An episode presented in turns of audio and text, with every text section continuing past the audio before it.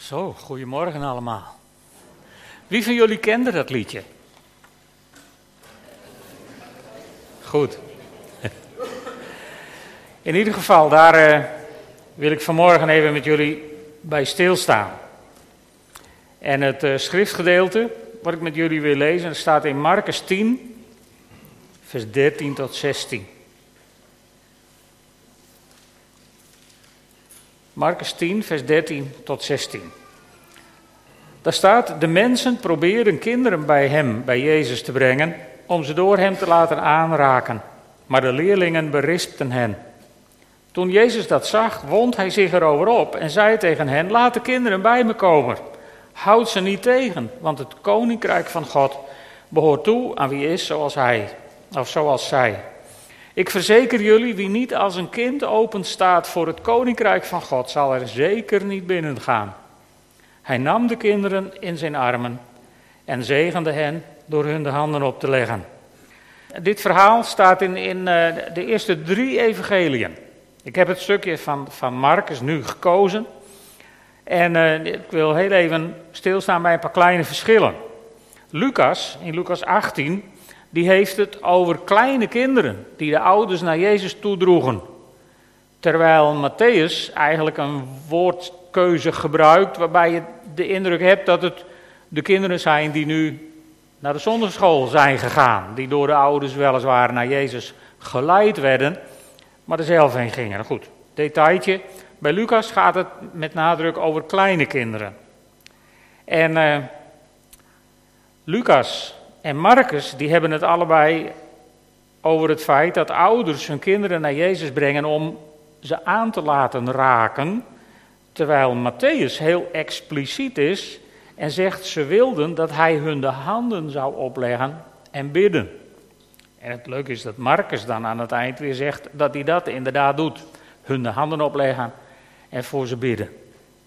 Goed, maar ik wil het met jullie even hebben over ja, over kinderen bij Jezus brengen. Wij hebben dat, eh, dat hele oude lied gezongen. Hè? Eens brachten de moeders hun kinderen bij Jezus. Je zou kunnen zeggen, net als in een sprookje, er waren eens moeders en dan komt er een heel mooi verhaal. Van Jezus die de kinderen bij zich laat komen, die ze in zijn armen neemt, die ze zegent en weer teruggeeft naar ouders. Een bijzonder verhaal. En in de tijd van Jezus was het heel normaal dat ouders hun kinderen aan beroemde rabbies voorstelden en ze lieten zegenen. Het was dus eigenlijk een heel groot compliment voor Jezus dat de ouders met hun kinderen bij Jezus kwamen. Daarmee erkenden ze hem als, als rabbi in die tijd en als eh, een belangrijke rabbi waarvan ze graag wilden. Tegenwoordig zou je misschien graag willen dat je kind met zo'n beroemdheid op de foto komt. Nou, dat ging toen nog niet. Maar ze laten zegenen, dat wilden de mensen graag. Dus Jezus stond in dat hoge aanzien. En, en je, kunt, uh, je kunt de klemtoon in zo'n vers ook een beetje anders leggen. Eens brachten de moeders, met de klemtoon op moeders. En uh, ja, ik wil het uh, aan, eigenlijk aan alle ouders van, van kinderen vragen: van wie, wie brengt jouw kind bij Jezus? Want dat is geen taak voor de crash, alhoewel ze daar hun best vandaag doen. En het is ook geen taak voor het kinderwerk, alhoewel ze ook daar vanochtend hun best voor doen. Het is ook geen taak voor het tienerwerk, alhoewel ze daar ook hun best doen, alleen even niet nu. Het is al helemaal geen taak voor de kinderopvang waar uw kind misschien naartoe moet.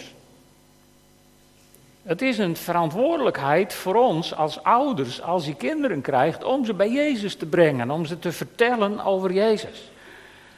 Om ze zondagschoolliedjes te leren. Ik bedoel, wij hebben, ik heb vroeger dit oude zondagschoolliedje geleerd en dat zit erin.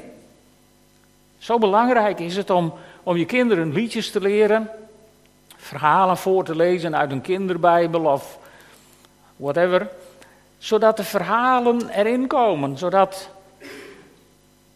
als ik terugdenk aan mijn eigen christelijke opvoeding, ik, eh, ik, ik kom uit een, eh, een, dorpje in het westen van Friesland en uh, dan gingen wij zondagochtends naar de kerk van half tien tot half elf. Dan gingen wij als hervormde en gereformeerde kinderen samen, dat was toen al een heel bijzonder dorp kennelijk, dan gingen wij samen naar de zondagschool van 11 tot 12 en dan gingen we weer met vader en moeder naar de kerk van half twee tot half drie. Het was wat rennen, maar als ik daaraan terugdenk, heb ik daar heel veel geleerd. Hoeveel investeren wij in onze kinderen? De maatschappij, die, tenminste sommige stromingen in de maatschappij, die zouden dit soort dingen het liefst verbieden. En die noemen dat heel negatief indoctrinatie. Nou, ik zou zeggen, indoctrineer ze maar goed, jonge ouders van kleine kinderen. Want wat je er nu in stopt, dat zit er voor de rest van hun leven. En ik heb er alle dagen nog profijt van. Dus wie weet, als een van deze kleintjes voorganger wordt en die veel moet spreken en vertellen over het woord van God, als de verhaallijn er goed in gehamerd is, heb je daar later een hoop plezier van.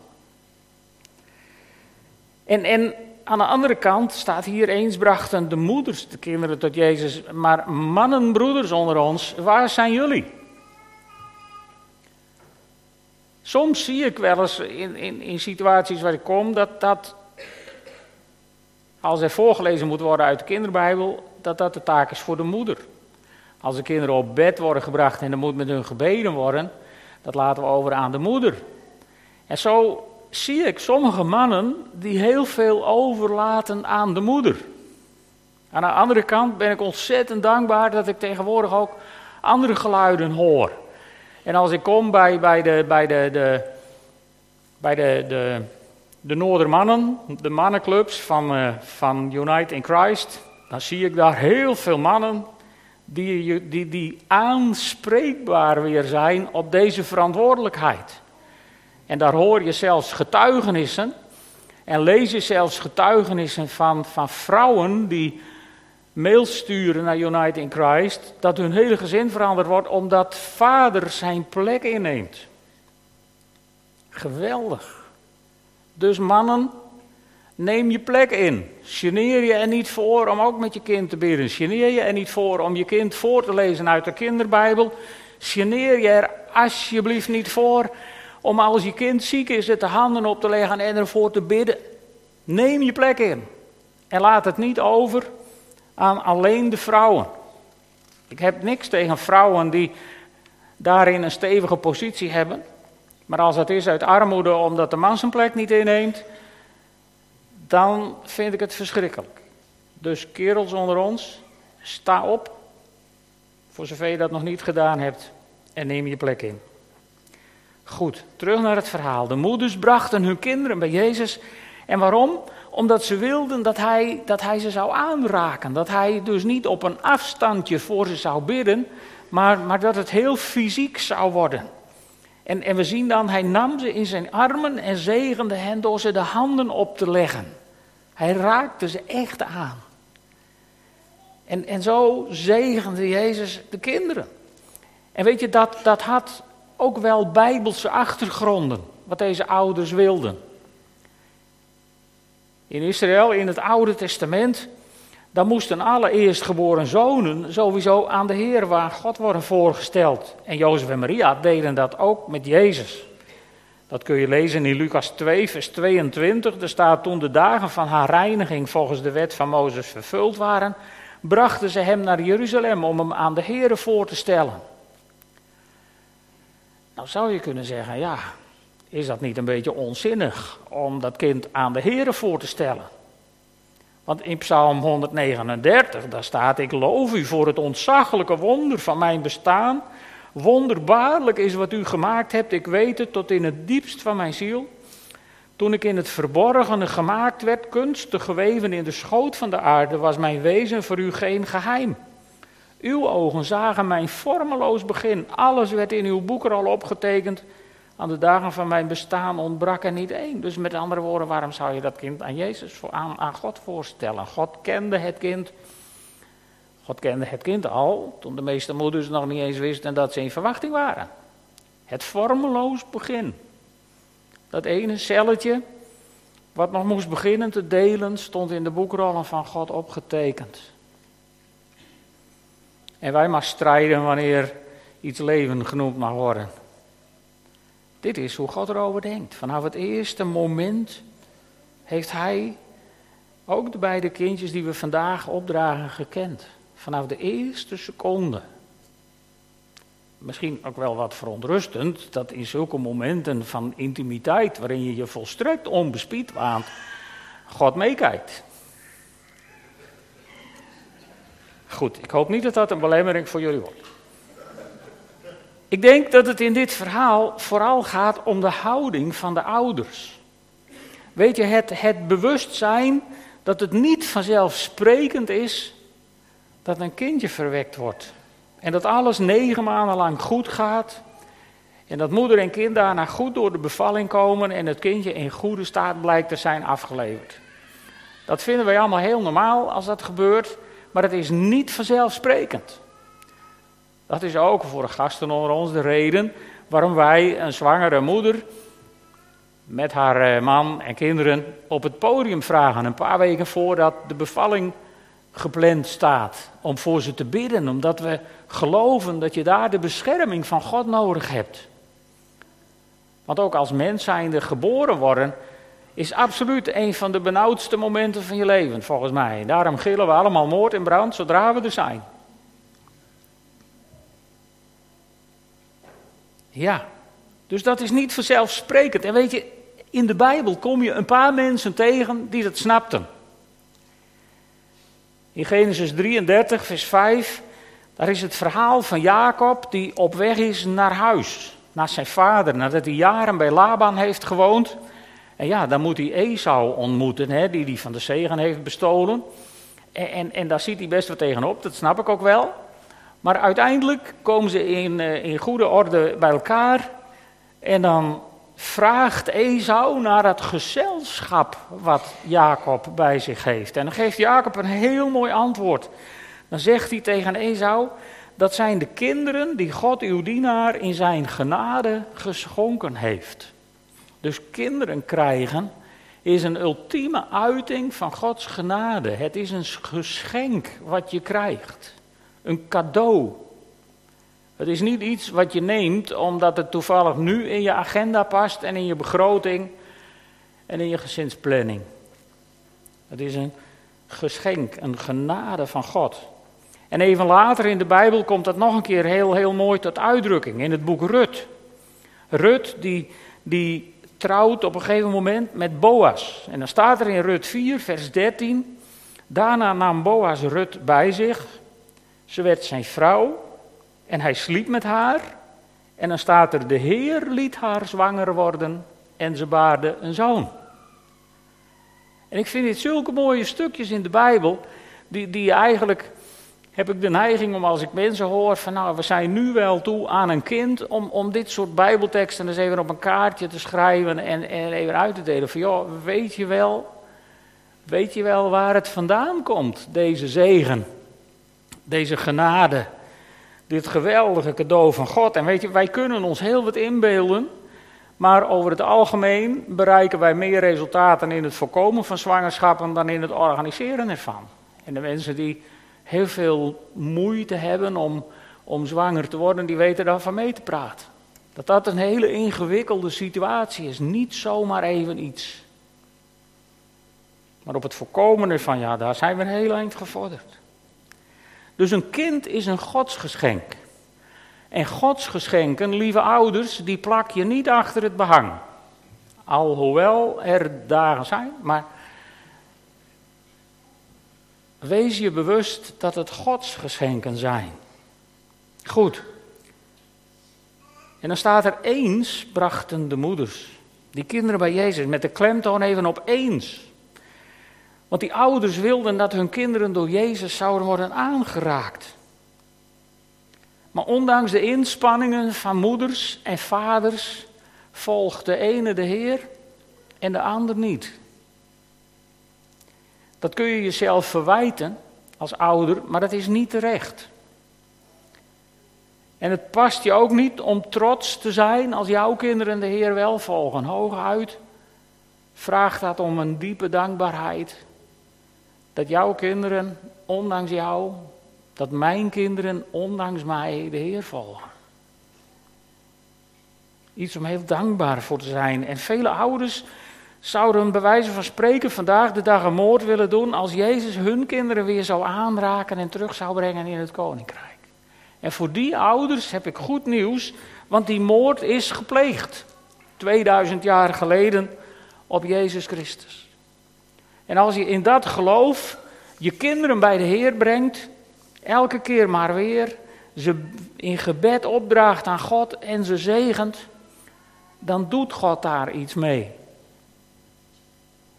Want God is de God die nooit loslaat wat zijn hand één keer begon. Hou je daaraan vast, klamp je daaraan vast en laat dat je genoeg geloof geven om elke keer weer voor je kind te bidden en hun namen te noemen voor de troon van God. Want God doet daar iets mee. En dan kom je bij de vraag, wat hadden de discipelen er eigenlijk op tegen?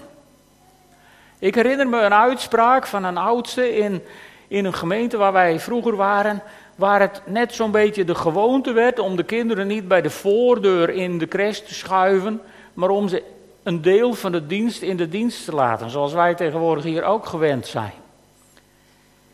En, ik, ik weet dat dat af en toe wat rumoer oplevert. Je hoort ze wat op de achtergrond.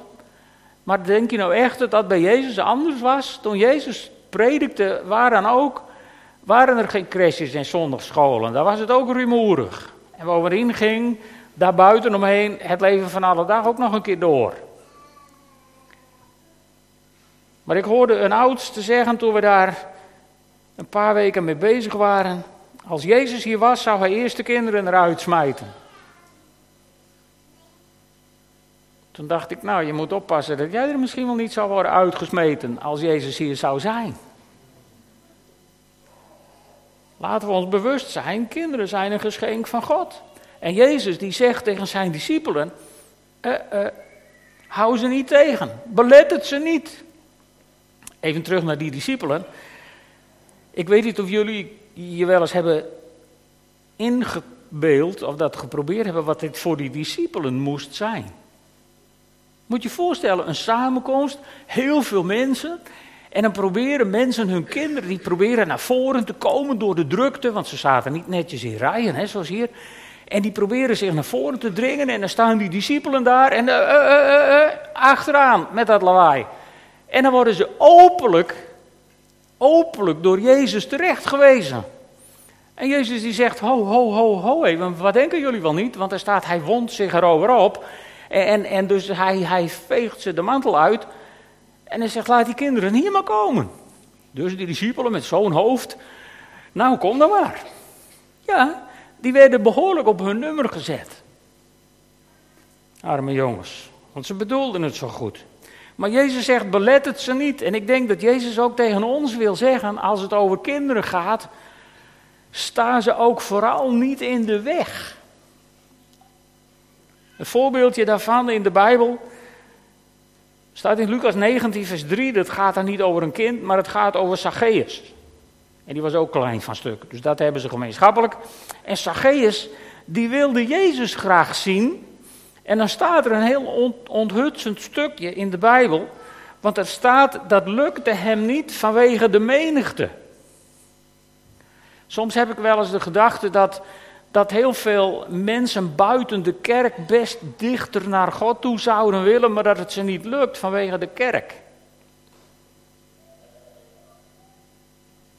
En, en dat zou ons tot nadenken moeten stemmen.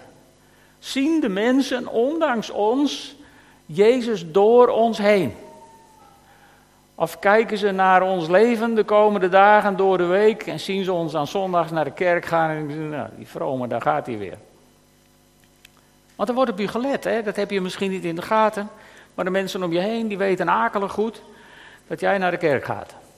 En die kijken de rest van de week ook akelig scherp of dat ook resultaten oplevert. En het is aan ons om daarin de blijdschap en de genade en de grootheid van God uit te stralen. En aan mensen te laten zien. En dan is het heel belangrijk dat wij open zijn als een kind. En wat bedoelt Jezus nou met dat we open moeten staan als een kind voor het koninkrijk van God? Jezus bedoelt niet dat we onnozel moeten zijn. Nadenken is niet verboden. Je hoeft je niet alles wijs te laten maken. Toen mijn, mijn eerste kleinzoon, 2,5 was, 3 misschien, 2,5 denk ik. Toen waren we een weekend weg met z'n allen. En toen kwam Joël, zo heet hij, die kwam naar me toe. Ik was even buiten uh, bij, bij dat huis waar we waren. En die zei, Paken, de koffie is klaar. Ik zei, dat dacht ik wel. Hoezo, zei hij. Nou, ik zei, moet je eens luisteren. Want op het erf daarnaast, daar was een haan actief en die kraaide voor het vaderland weg. Ik zei, hoor je wel wat die haan zegt? Die roept, koffie drinken. Koffie drinken. En hij keek me aan. En ik zag in die kleine hersentjes, onderzoekt alle dingen en behoudt het goede, zo ongeveer. Dus hij zette af, speelde gewoon verder. En, en, na de koffie ergens zocht hij me weer op en hij zei: Paken, kippen kunnen niet praten. Meer woorden heeft hij er ook niet aan vuil gemaakt. En zo is het ook met ons en het koninkrijk. Wij moeten open als een kind zijn voor het koninkrijk, maar niet onnozel. We mogen zeker nadenken en we mogen zeker toetsen wat we zien en wat we horen. En dan mogen we elkaar ook op aanspreken. En dat hoeft niet ingewikkeld. Hij heeft me niks verweten, hij heeft me ook niet uit de familie gezet wegens een dwaalleer of zo. Hij heeft me alleen even zijn conclusie meegedeeld.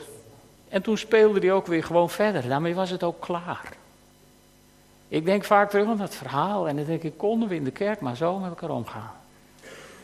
Wat zou dat een hoop gedoe schelen?